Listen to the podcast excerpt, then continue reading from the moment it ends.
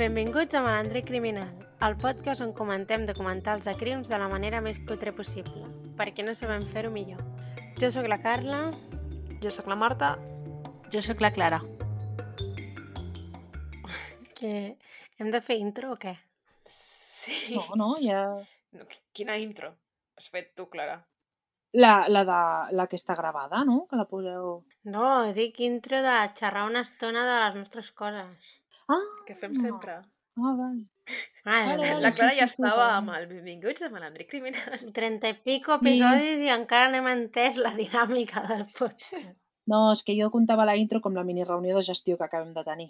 Sí, bueno, però això no... Backstage. No, no, no, no val, no val. gravat. Sí, sí, no hi havia pensat en això. Això són secrets de sumari, el que hem parlat. Sí. Sí. Jo crec que hauríem de començar perquè aquest episodi se viene largo, eh? Uf, Perquè són tres episodis llarguets. I a més som, és meu l'episodi, o sigui. Sí, però de l'anterior també eren tres episodis, vam dir, mare meva, dues hores, i ho vaig reduir moltíssim, eh? Una hora i quart. Sí, sí, sí. Sí? Un aplauso Oh. per la Marta, Gràcies. editora. No us preocupeu que la majoria de coses que tallo són... Em, em, Eh, em, I són meus, dilo, dilo. el 90% sí. Ja, és que no ho puc evitar, eh? És el que hi ha. Doncs comencem. Sí, sí. Um, fas un resum de on ens vam quedar o no? Si tu creus que me'n recordo. Ens vam quedar... Ah, sí. L'últim episodi, així perquè no es quedi allò tan, tan tallat, tan dramàtic, acaba amb la detenció d'un activista socialista eh, a casa seva, a la nit, i ningú sap per què. Us en recordeu o no d'això? Sí. ja tenim el primer M del podcast. Sí. El primer ja en van com 10, eh? Ah! Vull dir, és que una cosa que vosaltres us perdeu per no editar aquestes merdes són totes les petites coses que tenim costum de dir i que quan les escoltes tres vegades en un minut són terribles. I és, és com, Sí, sí. qui punyetes ens escolta quan ens passem tota l'estona dient o sigui, o sigui, o sigui, em, o sigui del pal, o sigui, En em plan- del pal, o sigui... Sí, és, és tota l'estona així i és horrorós. ens odio moltíssim. Normal, per això no edito. Perquè no us vull dir més. Gràcies. Va, la cosa és que ara comentarem el quart, cinquè i sisè episodi del documental eh, Una colònia... A Colònia Dignidad, una secta alemana en Xile. Que han d'acabar molt enterada, tu també, del nom. Bueno, l'acabo de llegir, que no me'n recordava. La cosa és que aquest episodi, el quart episodi, es diu Un pacto con el diablo. Oh. ja comencem ahir potentes. I el primer, o sigui, totes les introduccions d'aquests episodis són una mica raros, perquè fan com un minut allà d'una cosa random i llavors fan la, la intro i ja està. Saps? En plan, és, no, no serveix de res, però bueno. Una altra cosa que m'he donat compte és que diem massa la paraula random. És que és una, una paraula que costa molt de trobar en català, eh? perquè què dius? Aleatori? Mm, Sí, No. totalment. Però és que hi ha vegades que en menys d'un minut diem random cinc vegades. I és... És una bona paraula. A mi m'agrada. A mi també, però és terrible. O sigui, unes patades al diccionari. Ho sento per ser centennial o alguna cosa així. Què, què has dit? Centènia. Res, res, igual. Sí, perquè estem entre, entre Gen, Gen Z i Millennial. Jo no, jo estic molt lluny d'allò. Jo no, no els reconec. Tu ets res, no? La Marta és boomer. La Marta va néixer boomer, ella. Una mica abans. Eh, Eh... És broma. Segueix, Carla. Sí, a això vaig. Comença el quart episodi amb un vídeo promocional sobre eh, les vocacions que poden decidir allà a la colònia, les feines, bueno, aquestes coses, que les feines que poden com desenvolupar allà i tal. I tot és super fantàstic i meravellós i cadascú a lo seu, amb les condicions de feina fantàstiques també. Cadascú està allà super feliç, pues, sentint-se productiu en aquesta societat que s'han creat allà solets. I això contrasta una mica amb el que apareix a continuació, que surt algú dient com... Eh, perdó, que surt algú dient que estava allà pues, fatal amb la- el que treballava moltes hores, bueno, el que m'ha explicat. És una mica perquè contrasta una mica en aquest moment les dues coses, el vídeo promocional i el que és com la realitat. Però bueno, aquí s'acaba el vídeo promocional i, i pelante, ja hem passat. Això ja no torna a sortir mai més. Eh, la cosa és que en els... Com havíem parlat que hi havia com conflictes entre... bueno, quan es va establir la, la dictadura de Pinochet i tot això, creen un cos de seguretat que es diu DINA.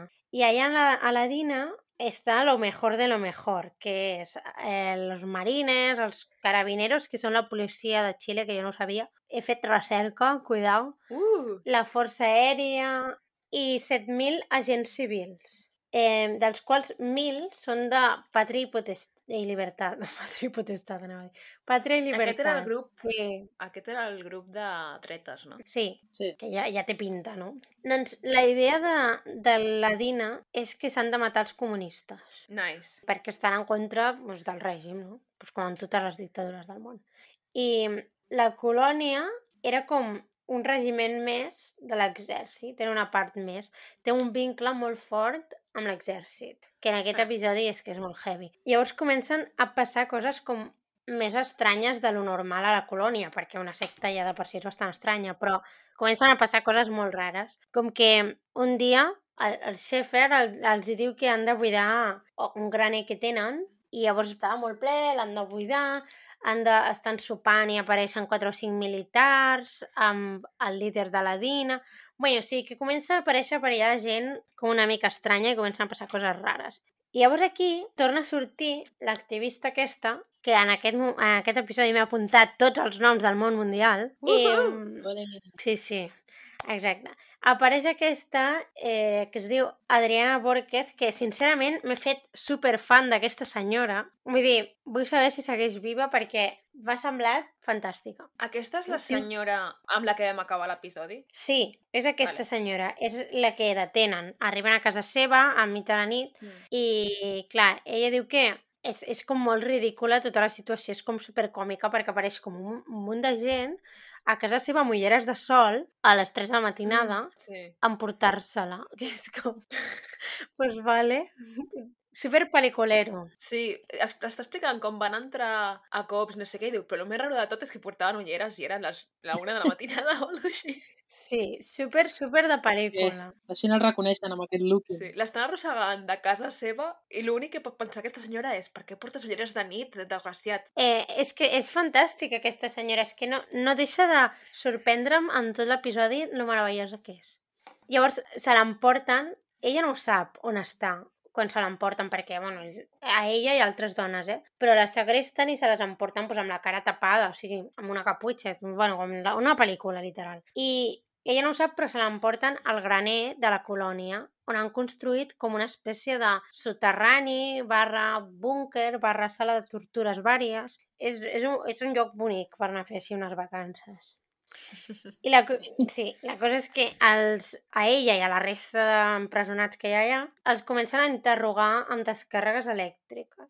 O sigui, comencen a, a fer preguntes i quan no respon doncs li foten una descàrrega elèctrica. Ja es vull dir, el funcionament és bàsic. Lo normal, vaja. Doncs ella explica això, que les, estan, que les interroguen amb descàrregues elèctriques, però que ella passava tot el dia eh, intentant no pensar. I per no pensar, doncs cantava. Mhm. Cantava tot el dia, cantava cançons i tal. I llavors va descobrir que... O sigui, va descobrir que estava a la colònia perquè un dia eh, la persona que li portava el menjar li va portar un plat que, que posava una, com unes paraules en alemany. I llavors Mhm. va fer com, va lligar caps i va entendre que estava a la colònia.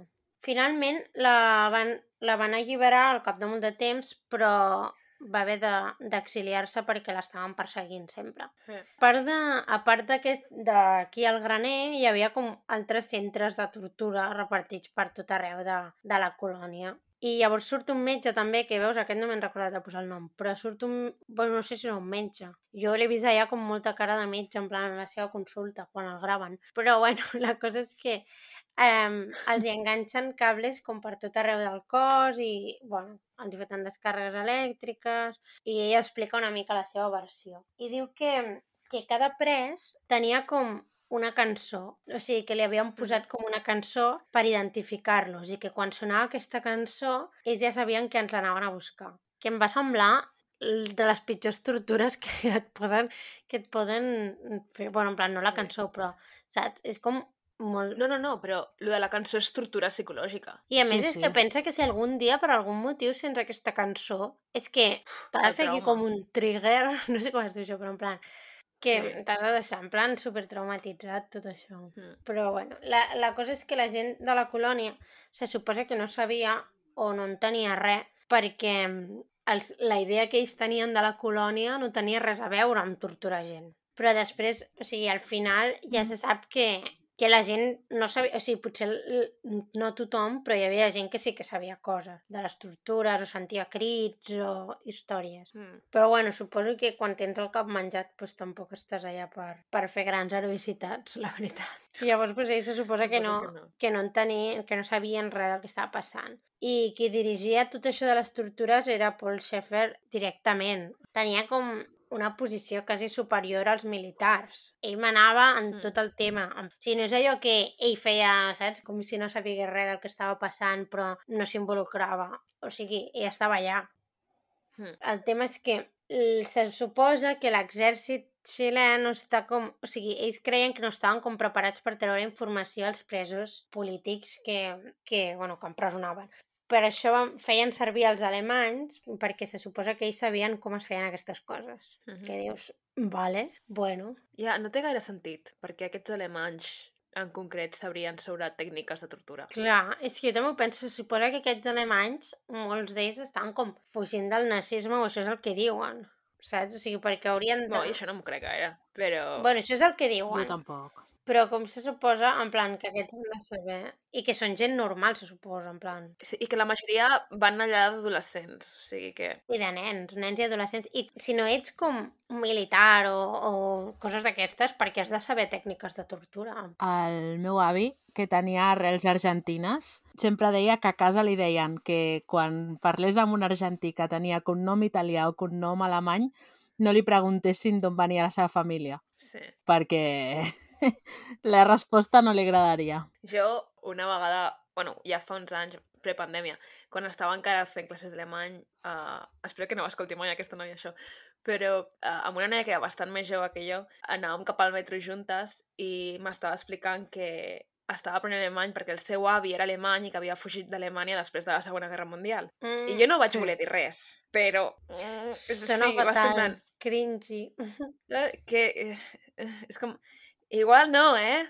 Però Ja, des- ja. als anys 40 va anar d'Alemanya a instal·lar-se a Espanya. Eh, Cosites. Hosti, cosites, després no? de veure el documental de, de Franco, moltes cosites. Ah, encara no l'he vist. Pues t'agradarà. Està guai o què? A mi em va agradar molt. Jo no l'he vist tampoc. A mi em va agradar molt i diu? vaig aprendre molt. La dura verdad sobre la dictadura de Franco, no sé què. Algo així. Vull dir que té un nom bastant... No gaire original, la veritat. Descriptiu. Sí, total.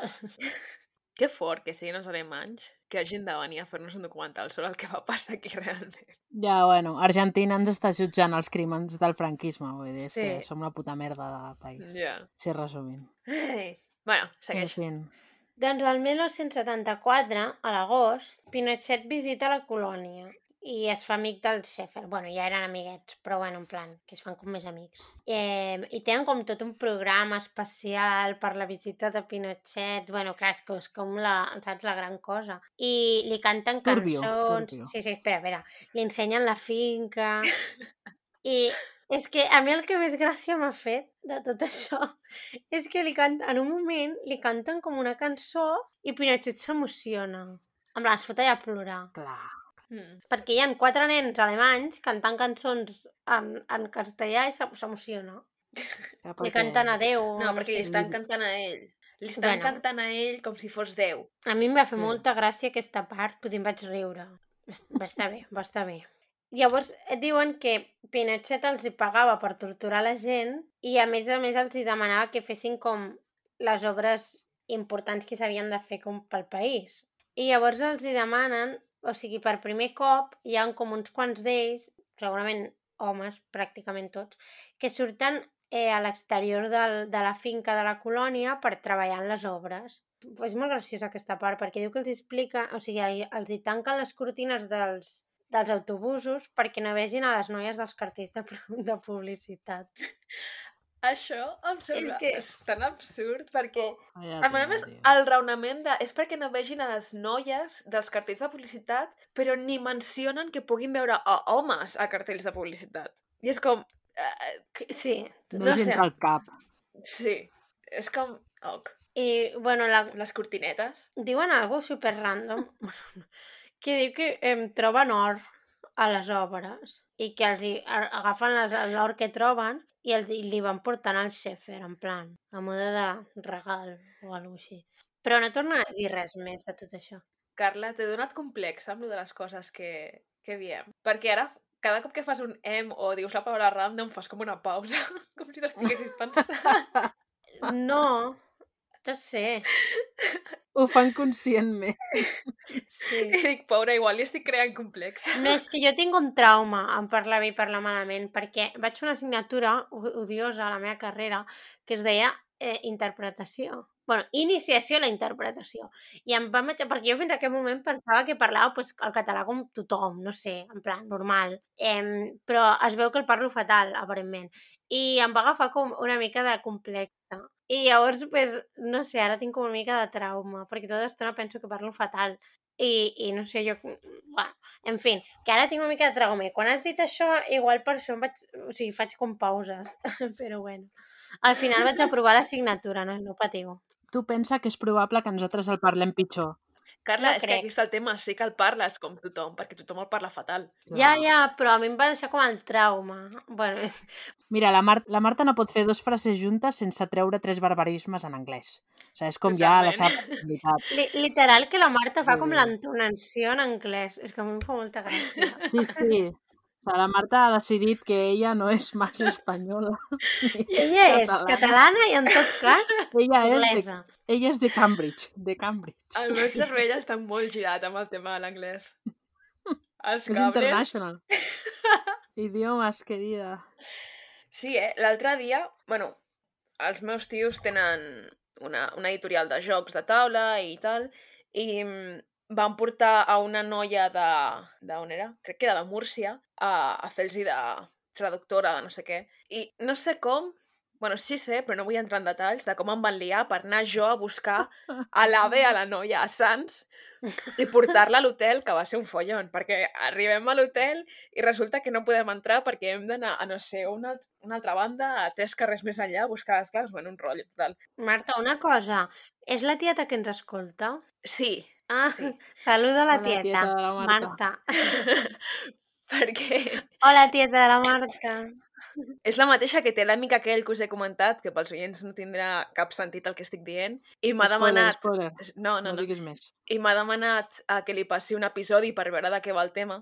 És... Per això t'he preguntat avui, Carla, en plan, quin creus que és dels nostres episodis més bons? Ah, jo dic, bueno, no sé què li agafa aquesta ara. Dic, pues, mm, per què? Realment, he acabat... He acabat Spoiler passant-li... cap. Literal, eh, m'ha costat pensar-ho.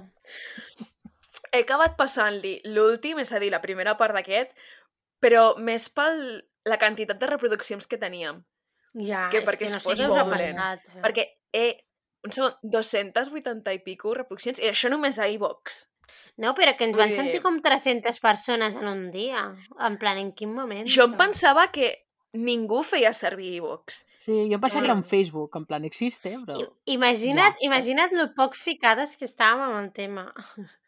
Però no sé, és que jo tots els Sí. podcasts els sentia a l'Apple Podcast. Jo a Spotify. Jo també, eh? jo a Apple Podcast. Bueno, tornant a la, a la història original,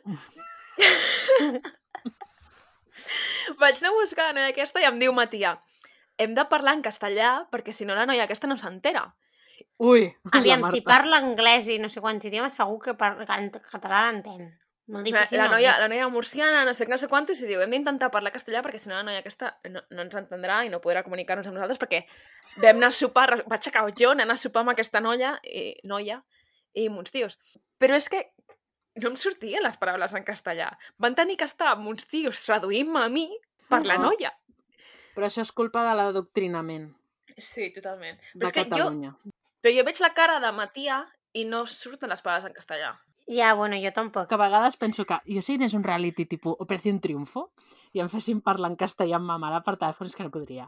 És que no podríem, no podríem. Ta mare es negaria. Impossible. En rotund. Imagina't a ma mare parlant en castellà, és que fa una risa. No, no, i la iaia que directament ni el parla, és com, esto què és? No, no, no. Doncs jo tinc dues cosines. Una d'elles és com d'un lloc de super de poble i l'altra és de Barcelona. O sigui, però a Barcelona de tota la vida del senyor. pues, cap de les dues, o sigui, tu els hi parles en castellà i no, no et saben dir, no et saben fer com tres frases seguides. És que és bestial, perquè dius la de poble, dius, bueno, vale, perquè està allà, pues jo què sé, a no sé on, però la de Barcelona, flipa. O sigui, les paraules més bàsiques no, no els hi Uau. sortien. T'ho juro. Ara, off topic, per no quedar d'esto, que això passa perquè, per exemple, jo quan anava a l'escola tenia molta fluïdesa amb el castellà perquè feia castellà, però després de sortir a l'escola, com tot el meu entorn és en català, la universitat, en teoria, és en català tota, els amics que he fet a la universitat parlen en català, etc etc. he perdut, saps, la, la fluïdesa a parlar castellà. Llavors, quan ara que tinc més amics que parlen castellà o són d'altres parts d'Espanya, em, em costa molt, em costa molt perquè no tinc aquest ritme, saps? I has d'agafar i com el canvi de xip. A mi em passa el mateix, però amb l'anglès. La carrera en anglès, la feina en anglès, jo, tot el meu entreteniment és en anglès, jo no sé comunicar-me en català ni castellà, perquè només parlo Sí, sí, català sí. a casa i amb vosaltres, i castellà amb tres o quatre persones, també, i, Sí, sí. mm, i persones que no veig cada dia. És curiós, eh? Mm. I clar, com que amb la gent de nostra edat dic qualsevol cosa en anglès i dona igual, Ja. Sí, sí, total. és... Bueno, seguim, si vols. Va, seguim, seguim. Eh... Ara veus, ara no puc deixar de pensar en això. Comencen a crear, o sigui, el Paul Schaeffer comença a crear com un grup dels escollits, per dir-ho entre cometes, que la majoria són rossos amb els ulls blaus, que dius, bueno, ja, anem, anem bé. No! I aquest No grup d'escollits, sí, són nens eh, que sempre els banyava ell, que ja... Mm, Turbio. Bueno, turbio, i pues espera't. I els portava a un lloc que li deien el temple, turbio. malament. I en el temple pues, abusava d'ells, des de que eren bastant petits. Mm. Els nens, eh, o sigui, intentaven convertir-se en una figura que s'havia inventat el Paul Schaeffer, que es deia algo així com Sprinter, i mm, era algú, o sigui, aquesta persona era algú que es passava com tot el dia amb el Paul Schaeffer, i aquesta mateixa persona era com l'escollit per passar la nit amb ell. I literalment que es barallaven Turbio. en, es barallaven doncs, pels problemes psicològics que els estava creant tot això, però es barallaven per, per ser l'es- l'esprinter aquest. Mm. I cada dia tenia com un diferent. O sigui, aquí, com- aquí és com super turbia aquesta part, vull dir, és dura de veure. I llavors, clar, doncs, o sigui, des de petits els inculcaven que havien de ser com, com un es- sprinter. Això no em sortirà mai aquesta paraula. Ah, bueno, i és que literalment que s'havien de fotre d'hòsties. En plan, el que guanyava era el que se n'anava amb el Paul Schaeffer a passar eh, el dia, la nit i Ah, tot el sí? rotllo. És quan surten vídeos de nens de 7 anys boxejant fins la sí, mort? Sí, sí, sí. És Sí, que és- era és- quasi una qüestió de vida o mort, eh? Pràcticament. Molt incòmode de veure, eh? Sí. Sí, sí, sí. És fatal, és horrorós. A mi surten tots allà amb, amb, el, amb la samarreta que hi ha blanca d'imperi, saps? Super raro. I Molt suposo que incòmode ell, de veure. que ell ho sí. mirava, no? Com es barallaven, entenc, però... Clar. Clar, és la idea. També Uh, era part de satisfacció sexual, no? mm, és que és una part bastant horrible. I això que hi ha parts molt horribles, eh, del documental, però aquesta... Sí, però com que tens les imatges directes no... Clar, és que és això, el problema és aquest. i és com un minut com a molt de, de clip, però és super incòmode de veure els nens boxejant a saco quan saps que és per això. Sí, sí, sí. I que no sé si, si ho saben, saps que és per això. Perquè no és una cosa que O vagin sigui, saben que és per ahí, el rol de l'esprinta. Sí, sí, però no sé si saben què implica aquest rol, saps? No crec, no crec. Suposo que no. I si, bueno, i i a si vegades ho saben, però... ho saben, no, diu, no ho diuen, saps? No els hi diuen als altres. No, però que no ho veuen com algú dolent. saps? També, O sigui, perquè el netejat final- de cervell... clar, Com es diu? final- Això en anglès es diu grooming. Com es diu en català o castellà? No sé si té Grooming és... traducció. Eh... Grooming és quan els Quan t'espera. diguéssim, els... Però no- Sí, que estàs com educant-los durant anys per convèncer el nen, o durant anys, durant un temps, per convèncer el nen de que el que estàs fent no és dolent, de que no passa res, de que te l'estimes, de que no sé què, i de que ho fas com pel seu bé, i que és totalment normal i natural i l'estàs com reeducant per fer-li creure que això és totalment normal i, i natural. Mm. Jo grooming ho traduïa com abusos sexuals. No, però grooming, grooming el, Sí. la pràctica del grooming és tot aquest procés que, òbviament, Mm. va lligat al... Sí, és tot un procés que fa Sí, sí. la- l'agressor en la psique de la víctima per Sí, sí, arribar sí. A, Ah. a, a tenir una relació sexual amb el menor. Ah, vale, vale. Jo, jo ho traduïa com abusos sexuals continuats. No, clar, o sigui, va lligat, òbviament. Però sí, és aquest, sí, clar, òbviament. aquesta idea de convèncer el nen o la nena, el menor, de que és normal, de que està, tens una relació amb aquesta persona, saps? En plan, Sí, sí, sí, sí, sí. de que és natural... Per tant, aquests nens, que, els que passen per aquest procés, no es queixaran a sons pares. No. Um, per molt que per dins sàpiguen que alguna no acaba de quadrar, tenen com aquest... Això se sap, en plan, que alguna cosa no està bé, jo crec. Sí, però és com que el teu racional ho intenta... Sí, sí, total. No sé si quan ets molt nen ho saps, eh? No, però molts d'aquests nens, per documentals, perquè eh, experiència no, però per documentals, moltes de les víctimes sempre diuen en plan algo a mi no m'acabava de quadrar, però perquè havia desconfiat d'aquesta persona que m'estimava, Sí, que no sé què, que no sé clar. quantos. Llavors, és com que algo no, no acaba de quadrar, però és això, no acaben de saber el què ni com i no saben el fet de que poden dir-li a una altra persona Clar, i clar, clar.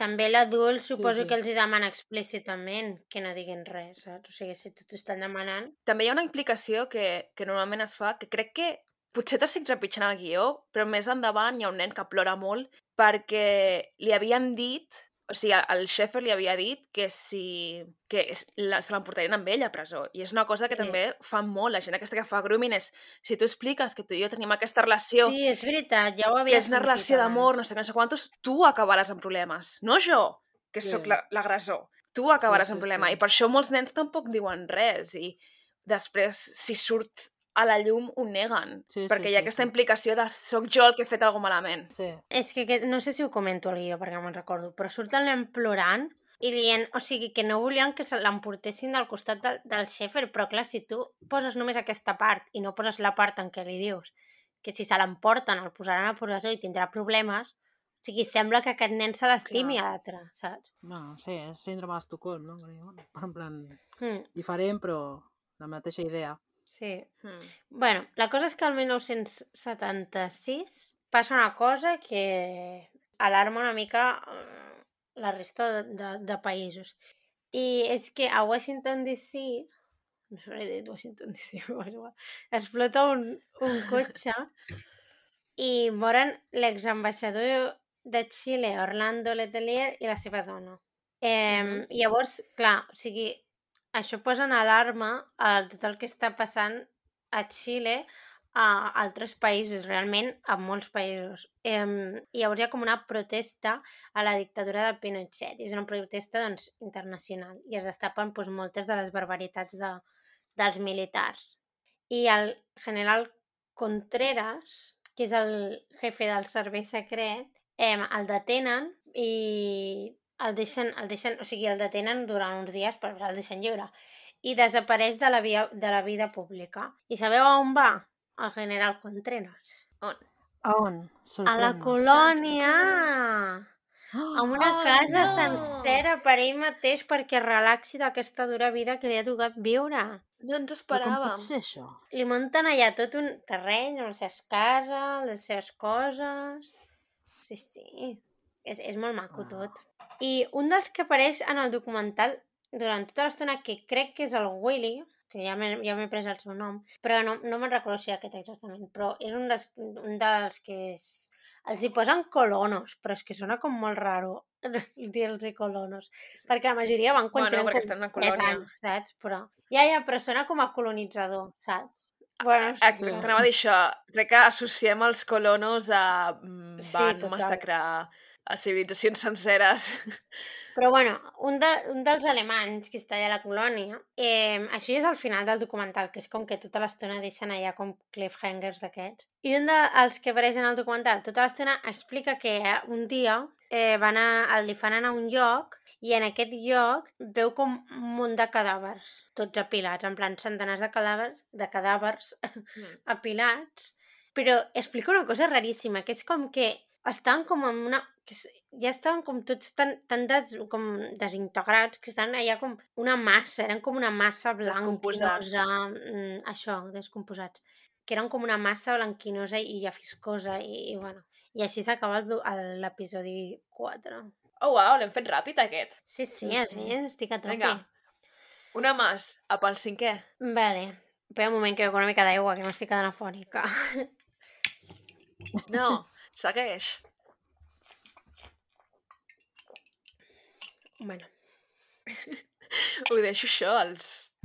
Deixa, deixa. Els club, club, club. Si vols, pues ASMR, aquest. És una mica raro. No comencem, que jo començo a parlar així. I la Escolta, i la, Marta. la SMR és un avantatge del Patreon. Eh, Ubic. Em nego a fer episodis sencers amb ASMR. Home, ojo que es paguen fortunes, eh? Bo, és que la gent, en plan, té molts seguidors al YouTube fent aquesta xorrada, eh? A mi és que em posa eh? molt nerviosa, eh? No puc. Sí, a mi també em posa els nervis. El pitjor és la gent que fa ASMR menjant. No, i quan oh, comencen... Quin fàstic, no I quan comencen, o sigui, comencen... Hola, no sé què, no sé quantes... Això, em, això vale? em sembla ridícul, però no em fa fàstic. La a gent que fa ASMR menjant... O bueno, sigui, si fas ja... una... Odio odio els, els mukbangs aquests, que és quan la Ai, gent sí. s'omple una taula Hòstia. sencera de menjar. Per què? Per Però és que què? si a sobre em fas un mukbang ASMR, és que em Que ve una grima. No puc, no puc. Sí, sí, total. Ens queixem de qualsevol persona que fa una mica de soroll quan parla, ai, quan menja, i després eh, ens veiem coses d'aquestes de la gent menjant mm, i fent sorolls No, a propòsit. es veuen. Bueno, jo, Jo no. no. I la Però gent ho mira i ho escolta per relaxar-se. En què Sí que és moment? el pitjor de tot. És com dius. No, no. És Super que, en contra uh, de de estem punta. aquí, eh? Malandrí criminal en contra de Anti, som antis total. Anti-ASMR, sí. Hi ha poques coses que som antis, però ASMR és una d'elles. Bueno, unes quantes som antis, no dir-ho, no? Que Són moltes, són no moltes. aquí. Plataforma anti-guàrdia civil i anti-ASMR. Plataforma anti Sí, moltes total, coses que ja ni ens en recordem. Antitaxistes... Què més són? Són moltes Sí, coses, eh, hòsties, de fet. pobres, eh? És que després ens escoltaran. Ja, ja, Ja ja. em sap greu. A no mi no. tantes coses. T'està pensant. I amb això, amb aquestes declaracions, acabem l'episodi. No, amb aquestes declaracions segueixo el cinquè episodi. A la intro Vinga, del cinquè episodi apareix la germana d'un noi que va ser assassinat per la colònia. El noi es deia Juan Maino, que ens interessa, bueno, relativament, perquè, dir, no sé si torna a sortir. Eh, doncs apareix aquesta germana i diu que l'estan buscant, però com a ell, pues, moltes altres persones i que porten molt de temps buscant-lo i, bueno, no el troben entre les restes, per dir-ho així. I el Willy, que ja m'he fet amiga del Willy, em cau molt bé aquest senyor, eh, que és el que... Ah, mira, pues sí que era el Willy el que havia parlat dels cadàvers. A l'altre episodi diu que els havien de cremar amb unes coses que eren com semblants a un lanzallames, amb la que la seva feina Sí. era cremar els cossos. I llavors que, a més, barrejaven les restes amb, amb fang i altra merda vària i la tiraven al riu. Per tant, és que és quasi impossible o és molt difícil trobar les restes encara que sigui mm, un os de la persona que, que estàs buscant. Sobretot si els han barrejat i saps, en plan, és molt complicat. I, I també diuen que és com la colònia Dignidad és l'únic lloc de Xile on no hi ha un registre de, dels morts. Que això em sembla Ahà. com una mica... No sé si es refereix com als morts de la gent que s'ha mort de la colònia. No, crec què que es refereix a la gent que ha matat el, el règim. Clar, però això no anaven a posar un, un registre en lloc. Home, els nazis tenien llibres sencers amb els noms de tots els Ja, jueus Sí, que mataven, saps? Sí, sí, és veritat. Jo vaig entendre que la quantitat de desapareguts era tan gran que no hi ha registres, llavors pues, tota la vida no, es quedarà aquesta... Això és que explicaven allò de que la societat de Xile sempre estarà dividida fins que no se solucioni aquest problema o Clar, és arreglar ex això. exacte, o sigui, no és que no hi hagi un registre de difunts de gent que es mora del normal, és que no es registrava la gent que s'enduien, torturaven i mataven. Mm. Sí, sí. Total. Hi haurà els noms dels desapareguts, però clar, d'un desaparegut no pots confirmar que s'hagi que estigui mort o no. Mm. Llavors és com que estàs com en el limbo, saps? Igual ho van cremar tot i au. Hi haurà un registre d'apareguts de la gent que ha denunciat desaparicions. Això és una mica el que anava a comentar que els familiars dels desapareguts, que són moltíssims, encara estan buscant les restes d'aquesta gent. I entre ells està el Juan Maino, que és el que hem dit ara, però també està el pare del Gustavo, que és aquest senyor que ens fa, que ens fa una mica de gràcia. També l'estan buscant amb ell, Mm. i clar, el Gustavo comenta que el país està dividit perquè no troben els morts i és una cosa que no, que no solucionen i que és molt complicat com passar pàgina d'això, que també és una cosa que em va semblar bastant representativa del que està passant també aquí, o del que ha passat aquí, perquè hi ha molta gent que no ha enterrat els seus morts. Mm. I això em va semblar com... Vaig comparar bastant amb, la, amb, el que, amb el que ha passat aquí també, i amb el que segueix passant, perquè, vull dir, Espanya segueix sent un país dividit, i molt... Vull dir, i no és, és una cosa que no, no hem solucionat, ni, no sé si solucionarem. Sí, les, les conetes no i tot el rotllo. Mm. Sí. Sí, sí. Doncs sí, eh, seguim. Al 78 hi ha un conflicte amb Argentina per 200 milles de mar i quatre illes. O sigui, se suposa que és un conflicte que és molt tonto, aparentment, però que després no ho és, perquè té altres motius, que tampoc expliquen gaire. Eh? Es fa servir aquest, aquest conflicte com per distreure el poble sobre els temes dels drets humans i dels desapareguts i d'aquestes coses. I llavors, eh, és el de sempre, no?, que fa servir com una tonteria per, per distreure de les coses més importants que estan passant. I els alemanys, eh, òbviament, donen suport incondicional a l'exèrcit. O sigui, donen suport proveint armes. I llavors fan un negoci amb el tema de les armes i les importen d'Alemanya. I l'exèrcit s'instal·la a la colònia perquè justament la colònia està a la frontera amb Argentina, llavors és com un punt bastant estratègic. Però la cosa no... O sigui, estaven tots ja preparats com per anar a la guerra amb Argentina, però no arriba gaire, gaire lluny perquè arriba el papa eh, a la colònia bueno, no sé si a la colònia, però el, el papa intervé i els obliga a tots a fer les paus, a donar-se la maneta i a fer-se una abraçada. I, I solucionat. i ja està. I prou de tonteries, per favor, va dir papa. Val, doncs aquí ja passem a un altre tema, i és que aquesta és com una part bastant tendra del documental. I és com el Willy i la seva dona que jo crec, que me l'he apuntat en algun lloc, no me'n recordo, però es diu algo com Edeltraut dit malament. Sí, o sigui, algo, algo així. així. Eh, Era un nom xungo. Un nom xungo. Sí, era difícil, era difícil. A més, eh, raríssim. Bueno, el Willy és més fàcil. El Willy és com la història del, del Willy i la seva dona. Vull dir, perquè conèixer i es coneixien i, es- i s'havien parlat bastant i tal, però clar, quan el Schaefer va dir que no podien ser amics els nois i les noies, van dir mm, adeu, saps?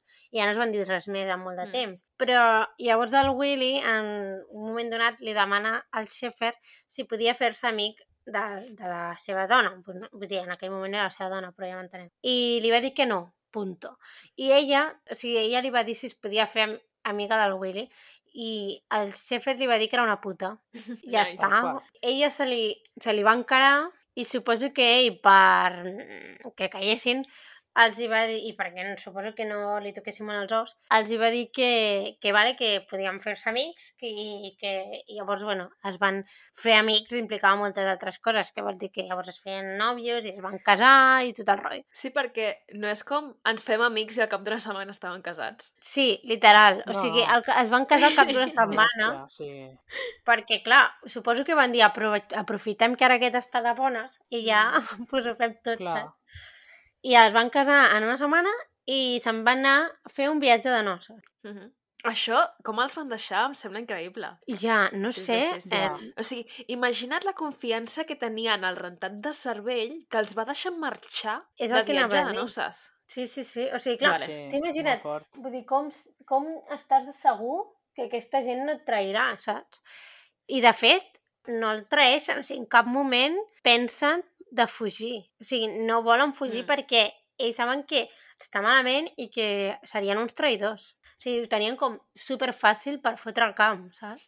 Perquè a més els Sí. havien deixat un cotxe, els havien deixat diners, vull dir que tenien com la possibilitat de, de marxar, però no ho pensen mai. I, bueno, al cap Sí, d'un sí. temps tenen una filla i després un fill, però no els hi permeten dir que eren, o sigui, no, no els hi deixen dir que eren els seus pares. Que això em va semblar com turbio no, no següent.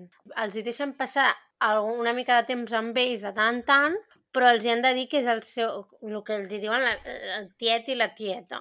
En plan, perquè la tieta era com la figura materna d'aquests grups, però que Mm. no, vull dir, no era la seva tieta, òbviament. A mi aquí hi ha hagut un moment que és que m'ha posat molt trista. I és aquestes coses de també. una imatge val més que mil paraules, perquè és el moment que els ensenyen vídeos dels seus fills de petits i al principi estan, estan oh, mira, aquest era és el nom que sigui. Sí, perquè era un recital de no sé què, i estem al principi com molt hi-hi, hi-hi, els nostres nens quan tenien 3, 4 anys. Ella, la nena no sé com es diu, però el nen es diu Matías, em sembla que li diuen. Molt, però estan això, en un vídeo del nen, del Matías, no sé Sí. si tocant algun instrument o cantant o alguna així.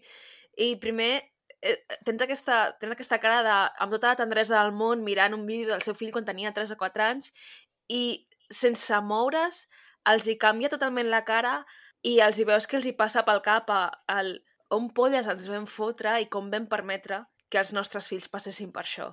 I no diuen res, però ho veus Però a es les seves veu. cares, Sí, el sí, canvi sí. de que mono que és a... Hòstia puta, què li vam fer al nostre fill, saps? En, quina situació posar el nostre fill. I a, a mi em va posar molt trista Però tampoc crec que fos una... Vull dir, ja sé que se, segurament se sentiran culpables, però em sembla que ells, vull dir, van arribar a la colònia que eren nens. Ja, no dic que sigui culpa seva, Ja, però ja, ja. aquest sentiment de culpabilitat i de... Sí, sí, segur, segur, però vull dir que Bé. també uf, fins a quin punt et pots, et pots culpar tu mateix quan vas arribar, que eres un nen, saps? Però segur que els hi sap malament que Sí, els fills segur. passessin per el mateix que van passar a ells, perquè clarament Però no sí, vols... i segur que pensen I- que ho van passar perquè ells no es van atrevir a agafar-los i marxar. Uh -huh. Clar. Tant, si haguéssim sí. fugit quan el viatge de nosa, si haguéssim, jo què sé, qualsevol cosa. Sí, no sé, és com que els hi veus a la cara que aquesta, aquest apenediment i aquest, um, no sé, aquesta culpa, saps? Els hi veus a la cara. I és molt trist, la veritat. Doncs sí. I, i ara ja anem com una altra vegada d'anècdota en anècdota i tiro perquè me toca. I apareixen unes imatges que fan com uns assajos d'unes cançons i unes banderes i, bueno, en plan molt, molt patriòtic i molt, molt boy scout. I mm, quan algú no se sap alguna de les preguntes que li fa el Paul Schaeffer, els obliga a tots a riure's d'aquesta persona. En plan, saps el Nelson de los Simpsons? Pues una mica surten tots allà en plan, ja, ja, saps? Mm. Que dius, Mm.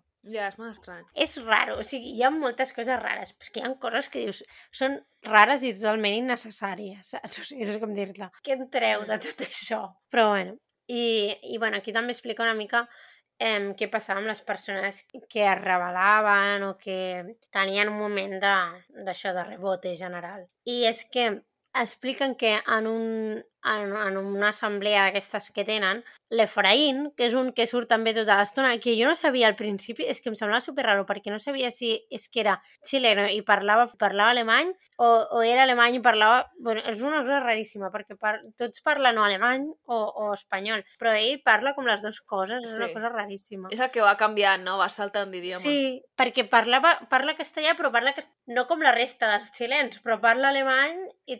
I, i et fot paraules en castellà. És, és una mica com raro, però bueno, és igual. Aquest té el mateix problema que jo amb l'anglès. Total. que es diu cacau mental. Sí. Doncs explica que un dia aquest noi es, es va com rebotar en una, en una d'aquestes reunions i va començar a dir que, clar, que estaven treballant sota unes, bueno, unes condicions de feina molt dures, eh, que no, òbviament no els hi pagaven res i no podien ni descansar, no tenien ni un dia lliure, en plan treballaven totes les hores del dia pràcticament i, i això es va queixar d'això. I el Schaefer estava ja sentat com en el seu trono i va demanar que algú el pagués, en plan que li fotés d'hòsties perquè estava fart de sentir-lo. I, I va ser el Willy, que en aquell moment és un moment com molt estrany del documental. No sé si Mm. veu pillar com les vibres super rares perquè apareixen com els dos, el, el Willy amb la seva dona i l'Efraín en el documental. I clar, sí. l'Efraín està explicant allà supercabrejat que no sé què, el que li va passar, i després apareix el Willy dient, sí, és que vaig ser jo que li vaig fotre d'hòsties. És com, ah, perquè algú ho havia de fer, Sí, saps? Sí. És com, bueno... Però ho va fer voluntàriament. Clar, vull dir, també podries no haver-ho fet tu, saps? O sigui, és com una mica... Sí, però també ho, ho... és com que a l'home que ell ho diu i diu i a sobre va ser el Willy qui em va fotre l'hòstia. I tallen el Willy i el Willy està en plan silenci incòmode. Sí, sí. Sí. I jo crec que, bueno, suposo que és una d'aquestes coses que et toca fer i ho fas i ja està. Vull dir que no li va donar... Ell no li dona en aquell moment més importància, però Sí. no sé, és com jo volia trobar un reencuentro de l'Efraín i el Willy, la veritat, però, però no, ja, a no mi m'ha faltat això, que tota aquesta gent Es que es coneixia oi? es retrobessin o, o anessin a caminar pels camps d'on estava abans la colònia o el que sigui i fessin... És el que a mi m'ha faltat al final. Ja, bueno, alguns sí que estan allà, que surten, no? Al Sí, final. però no els veus... O en plan... Saps, molts documentals que ho fan així, en plan, com aquest moment casolà de que una persona entra a la casa d'una altra, del pal, hola, del ram... Bueno, del Sí. random. Ja, bueno, pensa que és una gent una mica traumatitzada. Vull dir, no sé fins a quin punt. Ja. Era Però per bona això, idea. Que, que facin pinya, saps? Que facin teràpia tots junts. Vagin a teràpia de grup. Hombre, clar. Ningú s'entendria millor que ells, eh? La veritat. Clar, és que ningú pot entendre el què.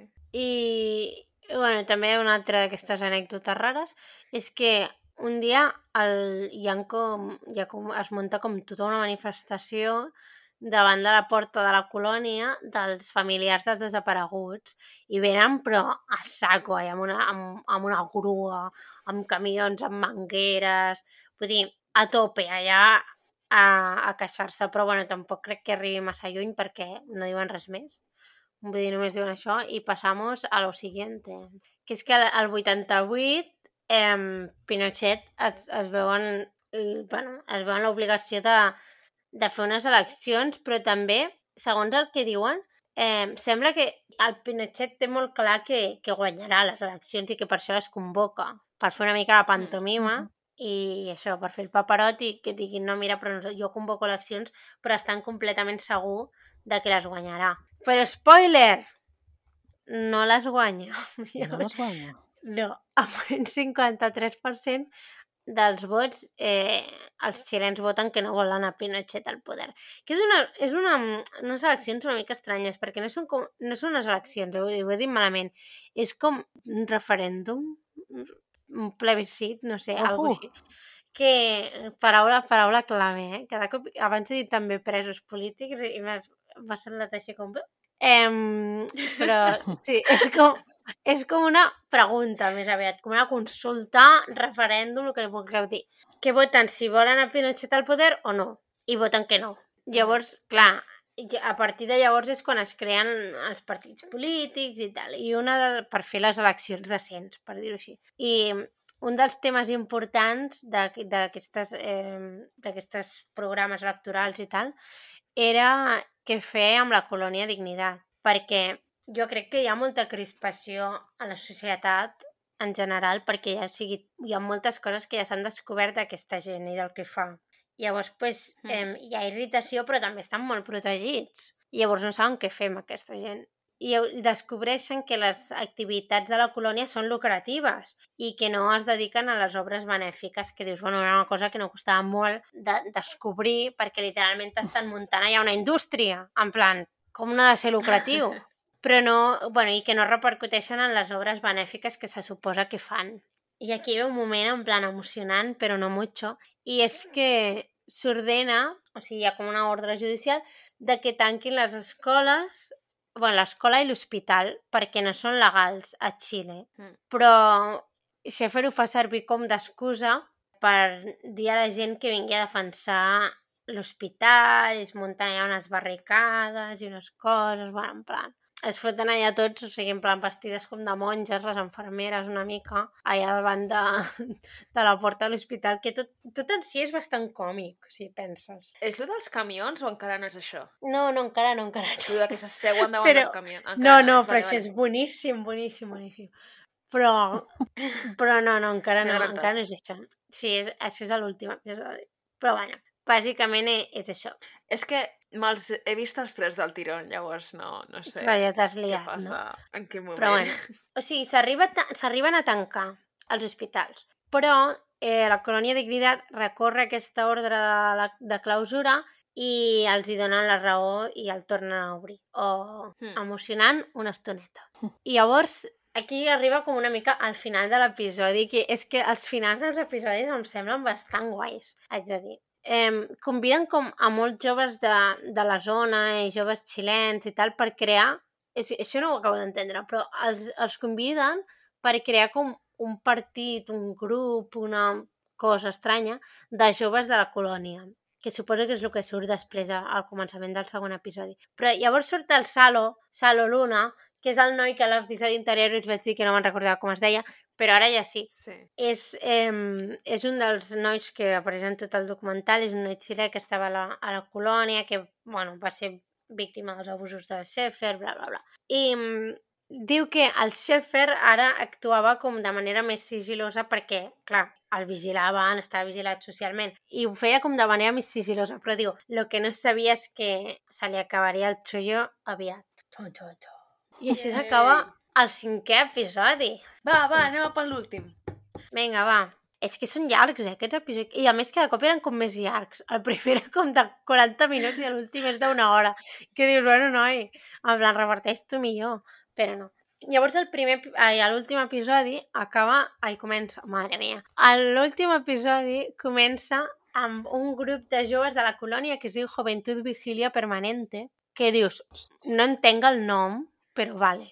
Juventud tampoc. ahí a, a tope. Juventud, no sé, digues una cosa en plan més interessant. Juventud vigilia permanente siempre vigilando, no sé, los pecados o algo així. I suposo que són pues, tot, eh, aquest grup que he dit que, com, que han convidat a molts joves a, a viure allà.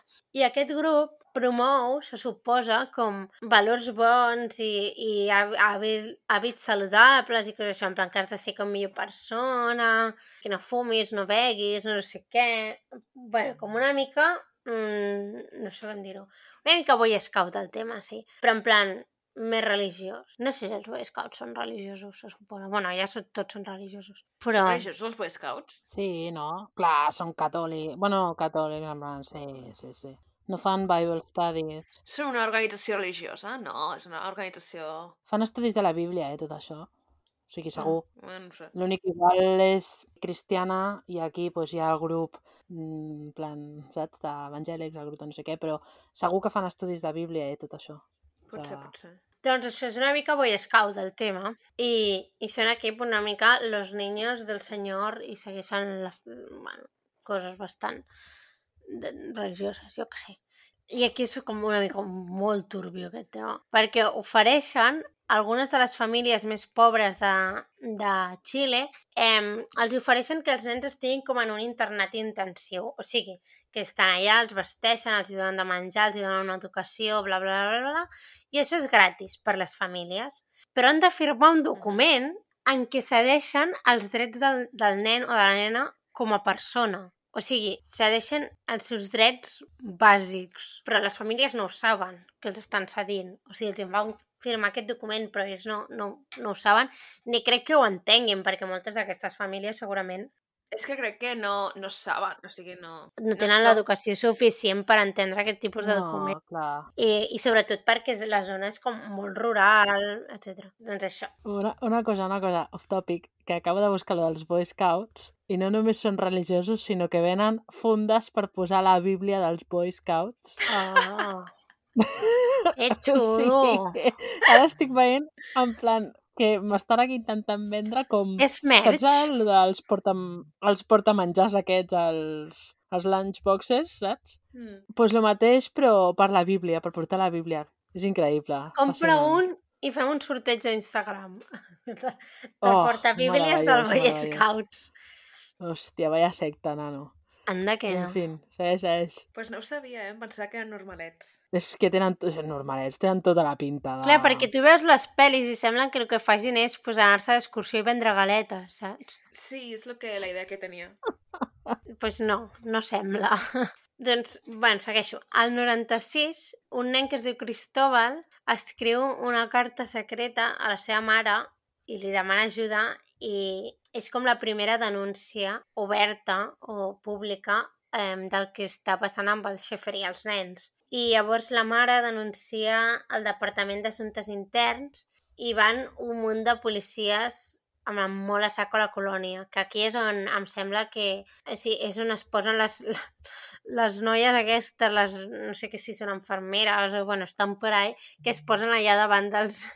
s'asseuen davant dels camions perquè no, Mm, perquè no que- passin els camions. És que jo m'he passat de riure aquí perquè les veus en plan super sèries, Sí. en plan rotllo secta total, allà davant dels camions segudes i els policies mirant-se-les en plan tot bé per casa i, i em, fa, em fa que molta gràcia aquesta part, perquè són super ridícules. S'asseuen com un Playmobil. Total. Saps? Estan com És, en forma d'ela, d'ela, però rectíssimes, en forma és, d'ela. és, és, És raro. és molt ridícul aquest tema, molt ridícul.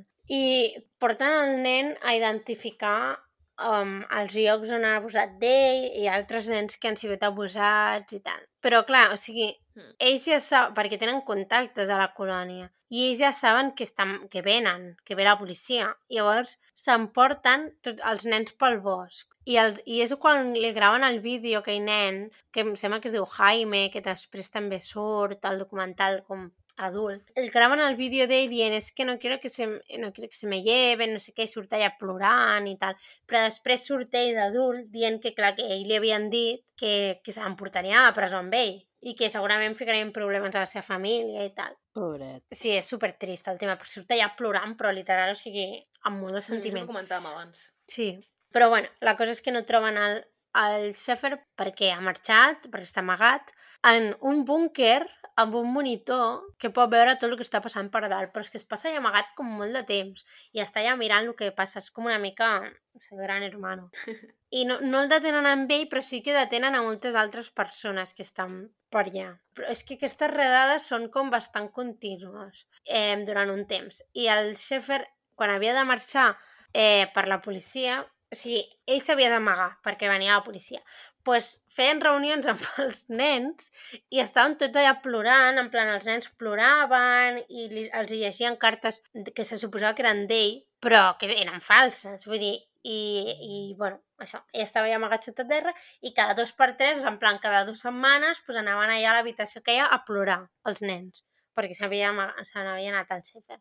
Però bueno, llavors apareix una de les mares, ah, sí, la mare del Jaime, que és aquest que us hem, que us hem parlat, i va buscar el seu fill. Però és que va buscar el seu fill amb la policia, perquè sap que si no va amb la policia no li donaran el seu fill.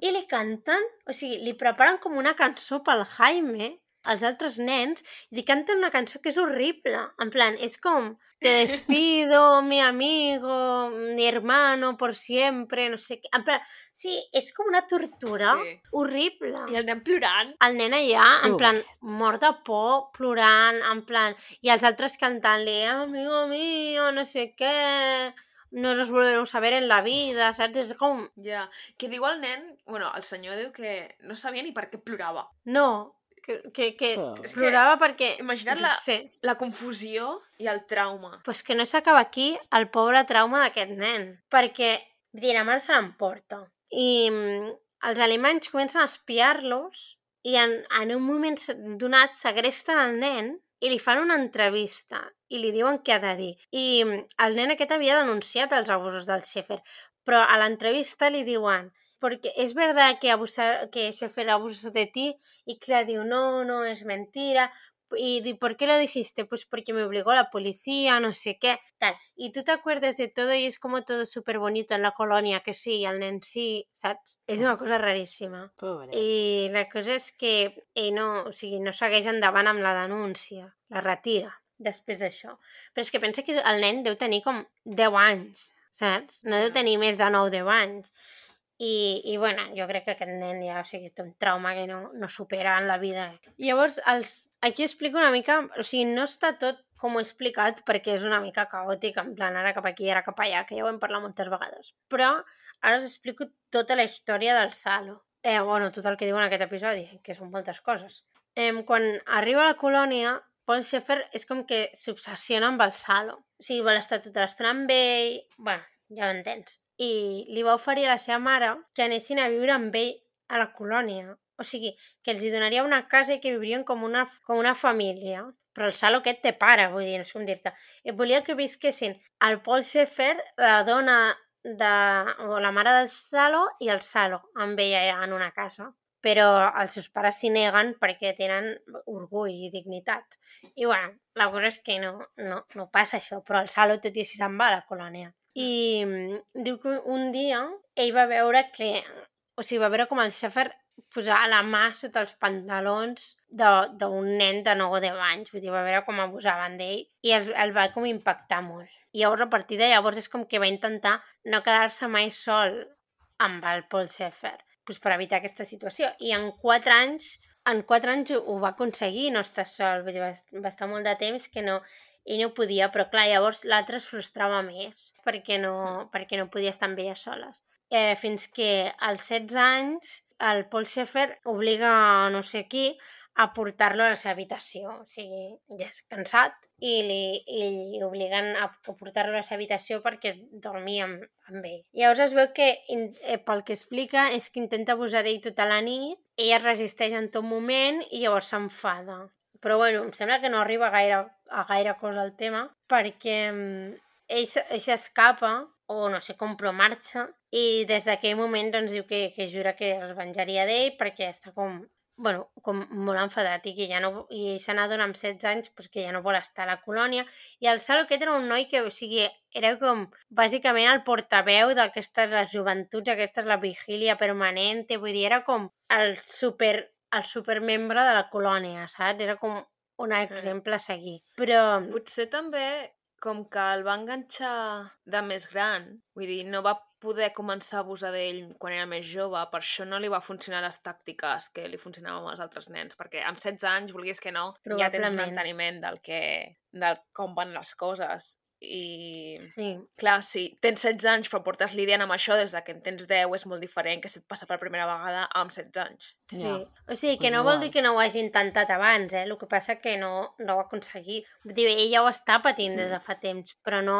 No tan bèstia com aquesta vegada que explica, no? Ella està patint el grooming, no l'abús entre cometes, saps? Però bueno, uh -huh. ell decideix que ja no vol estar allà, que s'ha cansat, que vol marxar, que no pot més amb aquesta situació i un dia eh, un dels nois alemanys, el Tobias, li confessa que el Schaefer ha, ha abusat d'ell. I llavors ell li diu, doncs pues marxem. O sigui, vol que s'escapin. El Tobias no ho veu clar al principi, però després li diu sí, i, i se marxen, i se, decideixen escapar-se.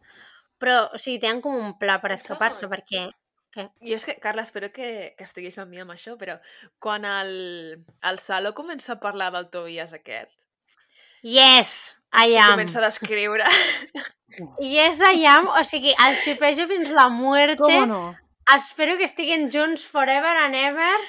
Però és que jo també estava en plan, oh no, que sortirà algo superbonic i superromàntic d'això i el xipejo supermonos. O sigui, no ha sortit res, però jo ho sé. En plan, al meu cor, aquests dos estan casats, tenen quatre nens i un gos, i viuen, no sé, on vulguin. Vaya coses li has anat a dir. Però estan junts forever and ever, són d'aquests... Sigui, es moriran amb 80 anys i s'enterraran els dos allà al costat l'un de l'altre. Sí lo digo. Vinga, a tope. Però jo no he arribat a tan llum, però he pensat que potser no per, a, Ella per sí. la banda de... Que en plan, sí. d'adolescents i tal, rotllo, vam desenvolupar un crash i junts vam destruir el senyor pedòfil, saps? En plan, imagina't que... destruir el senyor oh. pedòfil, líder d'una secta amb el teu crush. Su poder, eh? No, no, és que la Carla ja li, li, de cop li ha interessat. No, i a mi ja m'ha interessat abans. Vull dir, això ja ho havia vist. En plan, si té molta experiència jo en això. De trobar xips on no n'hi ha, els que vulguis. No, no, però jo també xipejo, jo també xipejo. Oh, thank God. En plan, no ho anava a dir, perquè dic, és que es diran que estàs malament de la olla. Però gràcies, jo Marta. Jo estava esperant a que diguessi. Pues no ho anava a dir, eh? No ho anava a dir. Però ara que ho has dit, més, doncs ja m'he deixat anar.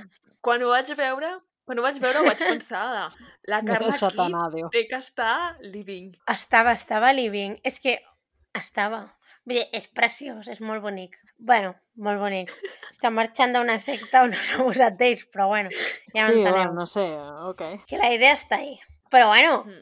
aviam, cuidao perquè, spoiler, s'escapen junts. Vull dir, està bé. Mm. Bueno, us explico oh. com s'escapen. en un dia assenyalat, que és com l'aniversari del grup aquest de la vigília, una cosa d'aquestes, que estan tots allà pues, fent les seves coses, les seves performances, eh, coses rares, el Tobias està al lavabo netejant o no sé què està fent.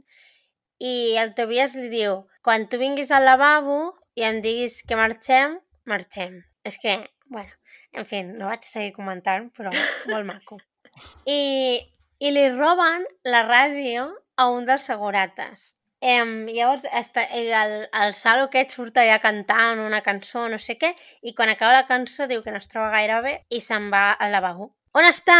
Al Tobias. Llavors en, és quan li diu, vinga, que marxem. I se'n van. O sigui, s'escapen pel bosc.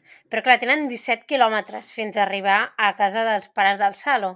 Ells estan allà, eh, comencen a caminar pel bosc i diu que ja fan bé d'haver robat la ràdio perquè llavors senten que comencen a dir el nom del Salo, en plan que no està, que no està, i llavors és com comencen en plan a córrer saco.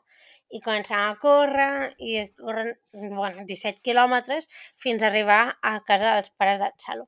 Però a casa dels pares del Salo, el germà del Salo ja l'està esperant amb un, amb un cotxe perquè saben que en el moment en què, en què vegin que no estan, aniran a casa dels pares d'ells. Però bueno, els seus, eh, el seu germà els està esperant, arriben, pugen al cotxe i se'n van a Santa Maria Manquehue, algo així, que és on està la residència de l'ambaixador alemany. Però és que l'ambaixador alemany, mm, vull dir, li expliquen tot i diu, pues no sé què vols que et digui, si vols te'n pots anar a Alemanya. Literal que els diu això.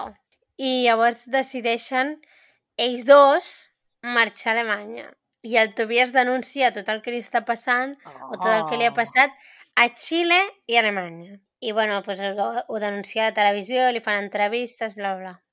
I el Salo torna a Xile. No diuen si el Tobias torna o no, però el Salo torna a Xile i se'n va a viure a casa dels seus pares. I, de fet, l'intenten anar... Van, van molta gent de la colònia a assetjar-lo, però es veu que els veïns estan allà a tope de power i amb unes destrals i amb coses, no sé què, em l'estan allà pues, eh, defensant, perquè se'l se creuen amb ell i el defensen. I aquí ja ve oh. com... Sí, aquí ja ve com la part final, o sigui, de conclusió de què han passat amb les vides de tots i bla. Llavors, l'Edeltraud i el Willy se'n van a la muntanya d'acampada amb els nens. O sigui, un dia decideixen ja marxar perquè la colònia està ja mig per arrastre. I llavors se n'adonen que han de marxar perquè dir, han d'estar amb els seus fills i ja està. Eh, però quan el, que aquí és un meliat, el Schaefer se n'adona que han marxat el Tobias i el, i el Salo i llavors és quan diu que és com el principi de la seva fi, que sap que si ells dos marxaven pues que, que no tenia res a fer. Llavors decideixen anar al Xefer i uns quants més a Argentina i compren un, també uns terrenys i intenten com establir com una altra colònia, però Argentina. Això mentre els altres encara hi ha gent allà a la colònia de Villa Baviera mm, esperant, no sé què, però bueno. Ells, ells agafen el, mm, les maletes i piren. Llavors, l'advocat dels nens, eh, dels nens víctimes de l'abús i una periodista troben com unes pistes d'ells a Argentina i van allà com a mig veure pues, què, què està passant, és que es fan una mica els longuis i els descobreixen allà. Llavors el, el Paul Schaeffer el detenen al març de, de 2005 i el, condem, el condemnen a 20 anys de presó per abusos sexuals a menors. Però no el o sigui, no el condemnen per crims contra la humanitat, per tot el tema dels de, presos que va, que va matar, la gent que va segrestar, etc etc.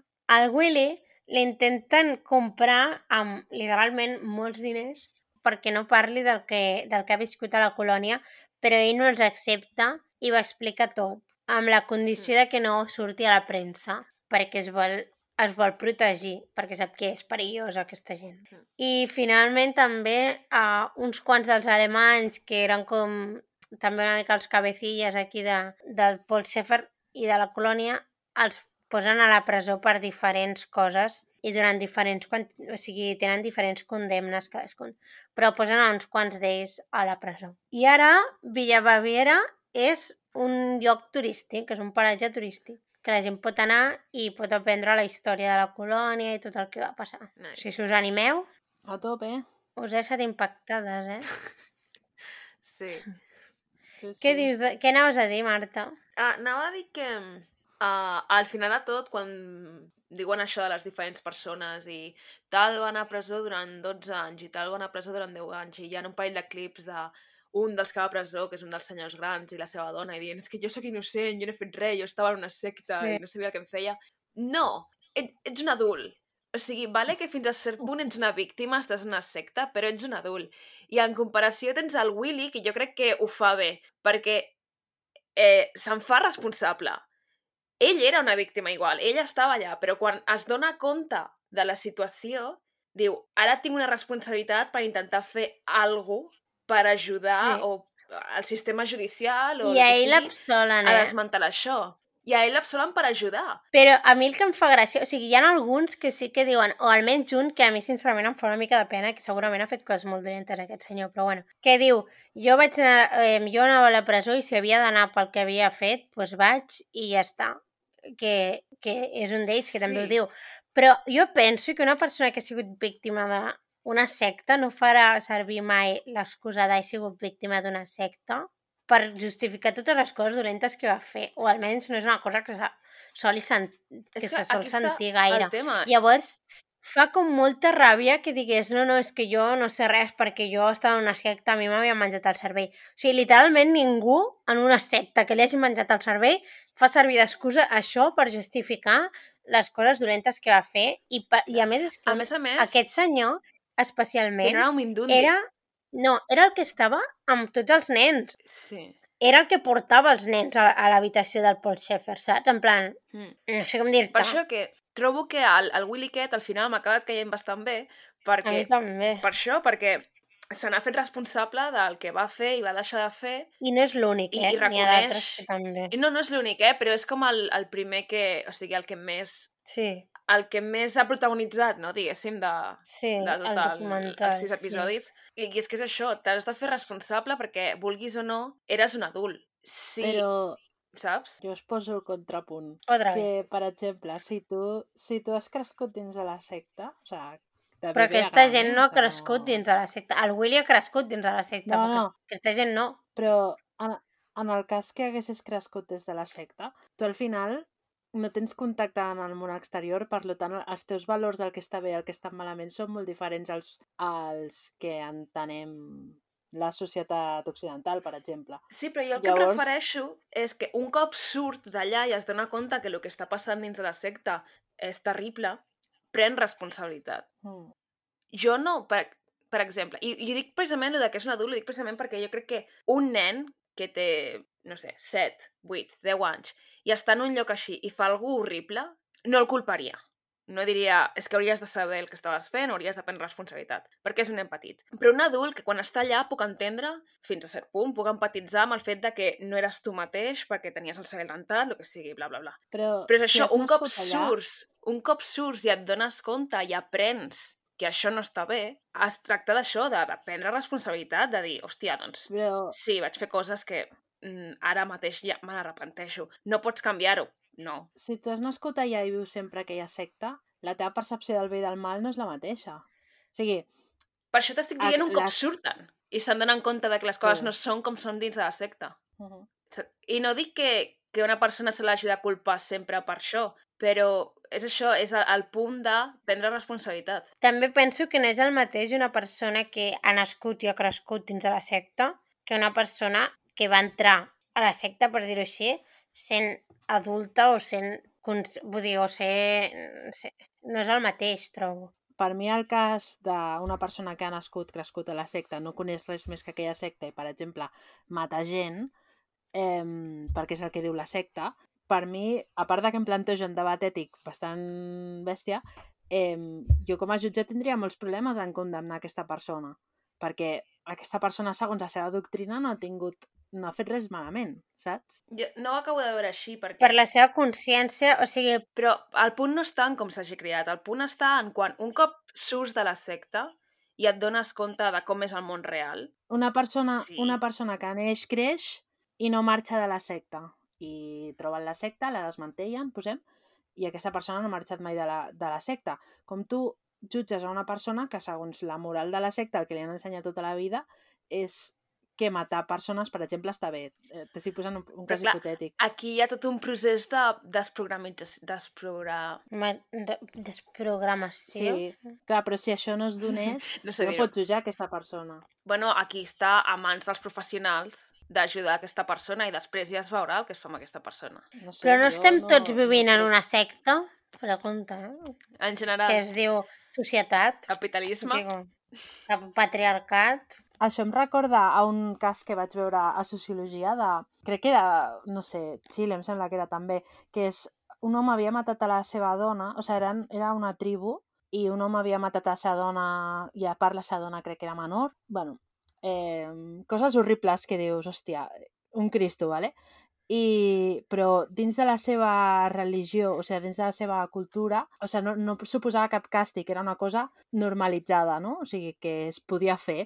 Llavors, què passa? Que entre les institucions que són institucions colonitzadores, no? O sigui, en plan, al final han posat una doctrina i un dret totalment occidental i aquella persona la van condemnar per matar, o, per matar la seva dona, no? Llavors, a classe, me'n recordo que generava aquest debat ètic de, bueno, fins a quin punt aquesta persona la pots condemnar perquè ell no viu en, en, aquesta, en aquest marc legal, saps? I, o sigui, salvant distàncies, perquè òbviament una secta no és el mateix que una cultura i tal, però no us ho planteja això, jo m'ho plantejo. En plan, fins a quin punt tenen culpa les persones que neixen i viuen allà. A mi em sembla diferent, en el sentit diferent. de- d'una cultura i una secta, perquè una secta estàs creant una subcultura dins de la cultura. Sí, però és diferent, òbviament, les persones que inicien aquesta secta o que saben que estan en aquesta secta és, difer és, és totalment diferent, no? Perquè hi ha una voluntat, però una persona que, que neix i conviu en aquella secta, al final el que coneix és aquest món, no? O sigui, els límits del bé i el mal els ha posat la cultura en la que es cria. Mm. Que no, no vull equiparar una tribu eh, amb una secta, ni molt menys. Però m'ha fet recordar això de la sociologia, pensar, hòstia, és que en veritat et planteja debats ètics que dius, bueno, és que és molt més difícil de blanc i negre, pues a pots la presó no, saps? Bueno, però tampoc la, la, gent que està, la gent que està en una secta no té voluntat d'estar en una secta. No.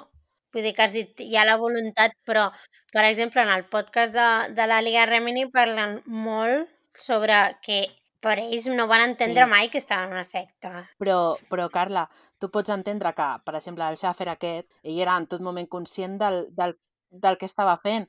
La responsabilitat legal d'aquesta persona està clara. No és el mateix el Paul Schaeffer que la resta de... O sigui, el, el No, no líder mateix. d'una secta que la resta de persones de la secta. Però no, aquí, no, no està, el mateix, aquí està està la dualitat a la que jo em referia de ser una víctima i a la vegada ser mm, un agressor. I aquesta convivència de soc víctima, víctima i a la vegada reconec que he fet X i tal malament en el context de ara això ja s'ha acabat. Òbviament, mentre Clar, però- estàs dins i encara tens el cervell mm, menjat, doncs a tu no Clar, et sembla però- que estàs fent res malament. Tu no ets, tu t'identifiques com a agressor al moment que et jutja una altra cultura, no? O sigui, en el moment en què es trenca el llaç, eh, el vincle de la secta. En el Sí. moment en què tu trenques el vincle de la secta. per tant, a mi em genera problemes eh, identificar aquestes persones com a agressores perquè entenc que no és... O sigui, és que em costa... Em costa... És que el que, el que ells van fer ho van fer dins d'un context que era un, con, un context d'una secta. I tu els estàs jutjant fora d'aquest context, que també Mm. és una cosa que s'ha de tenir en compte, perquè o sigui, tot, els que, tot el que ells van fer, volguessin fer-ho de voluntat o no, ho van fer dins d'un context en què el que estaven fent estava bé. Per això et dic que hi ha aquesta Mm. dualitat. Sí, perquè, perquè ells entenen que, que està bé i que està malament. I en aquell moment, en el context en el que estaven vivint, estava bé el que estaven fent. El que passa que Clar, però que això que dius, Marta, de la dualitat, que sí, que tens raó, però que és una du- dualitat de la que ells no en són conscients en cap moment. i és una No, la dualitat, dualitat existeix després. és un, això és una Quan dualitat surten. que es Mm. dona després, però en el context de, en què ells fan les, la, els actes aquests que no estan ben fets, no existeix aquesta dualitat. Ells estan fent una cosa que estan... Vull dir que Mm. Està bé, ja està. Seu No, a veure, la dualitat existeix, no existeix Bueno, en el seu sí, sí conscient, existeix. la dualitat existeix, perquè no em No. pots Sí, dir que una sí. persona que està uh, matant o violant nens a una secta, per molt que també sigui una víctima de control mental, des de fora pots dir que li perdones tot. No. Clar, però no, jo no t'estic dient això, però jo t'estic dient que tu al final poses una mirada basada en uns, en uns valors que no són els seus. Llavors, coses que a mi em poden semblar una atrocitat, eh, per altres persones estan justificades o no en són una atrocitat. Llavors, també, en un cas d'una secta poder és un pèl més polèmic, no? perquè al final tens unes persones que voluntàriament han organitzat aquest règim i aquest sistema d'opressió que fa que tots els, els actes de les persones que no són res, en plan del populatge, que es viuen en aquesta secta, són totalment coaccionades, no? Eh, jo, no sé, jo m'ho plantejo. A mi, jo estic, estaria en una secta, primer no seria conscient de que estic en una secta i probablement faria coses de les que jo ara mateixa m'horroritzaria, no? Llavors, fins a quin punt eh, eh, a mi em genera uns problemes, a, a, Mm. això. Jo m'ho plantejo més com una persona que ha sigut abusada de petit i que després, com a adult, abusa. Uh, és problemàtic? Sí. Aquesta persona és una víctima? Sí. Perdona els abusos que està creant? No. Per mi és molt diferent. És, és diferent, però vull dir, eh, a mi em resulta més similar això a el que has dit tu d'una cultura totalment aïllada de la societat Però generalitzada. ells és, el, ells és el que viuen. O sigui, una, una persona que està vivint en aquella secta, que no coneix res més d'això, és el que viuen i és amb els paràmetres amb els que es mouen. Però, Clara, aquesta secta, per exemple, no està completament separada de la societat. Estan interactuant constantment amb la societat. Bueno, però, per exemple, et poso un altre exemple, és que ara només em surten religions, però perquè no conec res més, però, per exemple, els Amish. Els Amish també viuen aïllats, però també estan en contacte amb la societat, no? I ells jutgen i viuen eh, per uns paràmetres totalment diferents als nostres i que probablement amb molts paràmetres d'aquests jo m'horroritzaria, no? O, o, o que es prenen la justícia d'una manera o d'una altra que és totalment contrària als valors que jo pugui tenir com a societat occidental, blanca, europea, bla, bla, bla. Llavors, clar, per ells coses que deuen fer els horroritzaran, no? I altres no, i seran diferents a les meves. O sigui, jo, o sigui el, el, el meu punt és que és molt complicat jutjar un cas així, no per les persones que són responsables d'això, perquè eh, al final les persones que viuen allà i que conviuen allà i que o sigui, i que proporcionen aquests nens per violar i tal, tal, són també víctimes de la pròpia opressió que els fa viure d'aquesta manera i que no entenen res més que això. Llavors, també s'ha de tenir en compte. Però al cap i a la fi, Clara, també pensa una mica, perquè qui va a presó? No hi van els mierdes que estaven netejant lavabos. No, no, òbviament. Sí, Hi va òbviament, òbviament. el director d'economia de la secta, el Òbviament, òbviament. um, abogado de no sé què de la secta. O sigui, hi van gent que estaven en alts càrrecs dins d'aquest grup Sí, sí, social. és Vull que dir, ha de ser així. clar, vull dir, no, és que en cap moment estic dient jo que uh, una Mm. persona que es dedicava a, mm, jo què sé, a fer el dinar cada dia i que li fotia d'hòsties al seu company perquè X, saps? Mhm. tingui el mateix nivell de culpa que la gent que realment va anar a presó en aquest cas. Mm. Jo això no t'ho estic dient en cap moment, A mi em costa trobar una culpa en aquell sentit, sí, sí. saps? Mm. La gent que està en els càrrecs, doncs jo trobo que sí que Sí, s'hauria òbviament, o sigui, d'assumir certa responsabilitat. jo parlo de persones que només saben només entenen el context de la secta, saps? O sigui, no, la, no el, els màxims responsables, que òbviament són...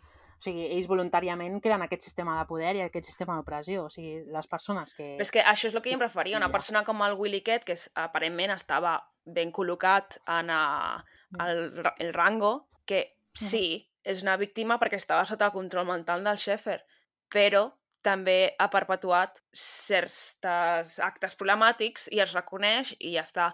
Els, que, els tres o quatre que surten que van a presó, igual, jo no dic que, jo no els hi nego que, no, que fossin víctimes Ho faríem, però això, el que fa el Willy, el que fa el Willy ho faríem tu i jo, també. de... Possible, no ho sé. Segur. Però el tampoc queda molt clar, o almenys no queda com en altres sectes o en altres grups d'aquest tipus, no queda molt clar qui, qui té com un... qui està com en, una, en un rango d'aquest superior o més inferior, o... no queda molt clar tampoc les escales de, de poder, jo crec. Perquè els, el documental no se centra en això. El documental es centra molt en històries personals i en mostrar-te Sí. les persones. No, no es centra tant en mostrar-te com era la secta.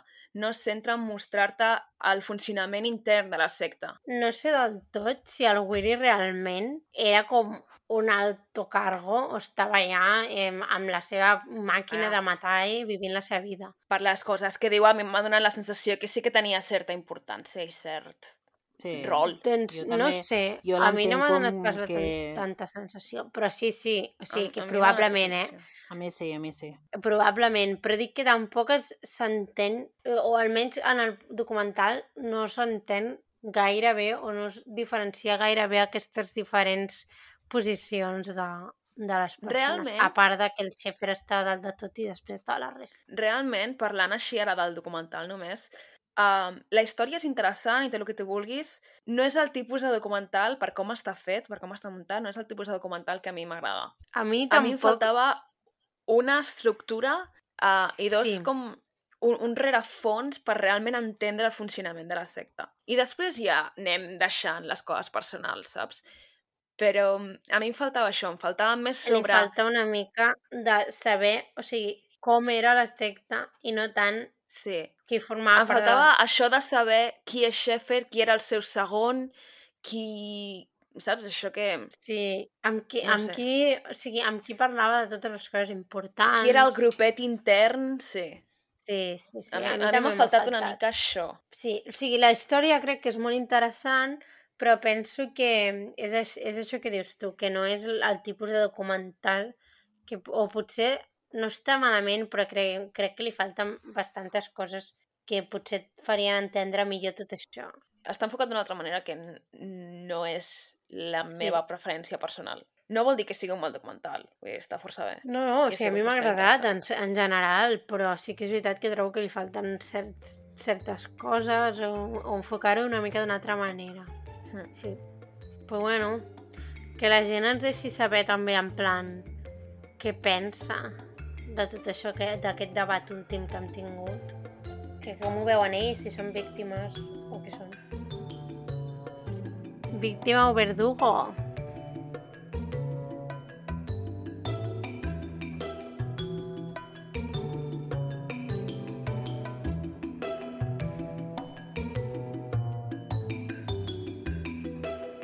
Fins aquí el programa d'avui. Si us ha agradat i us heu entretingut, podeu subscriure-us. Ens trobareu a Spotify, Apple Podcast, Google Podcast i altres plataformes. També podeu deixar una ressenya o un comentari, que això ens ajudaria molt. Si voleu comentar-nos què us ha semblat directament, ens trobareu a Twitter. Simplement busqueu Malandrí Criminal Podcast i us hauria de sortir. Gràcies per escoltar-nos. Adeu. Adeu. Adeu!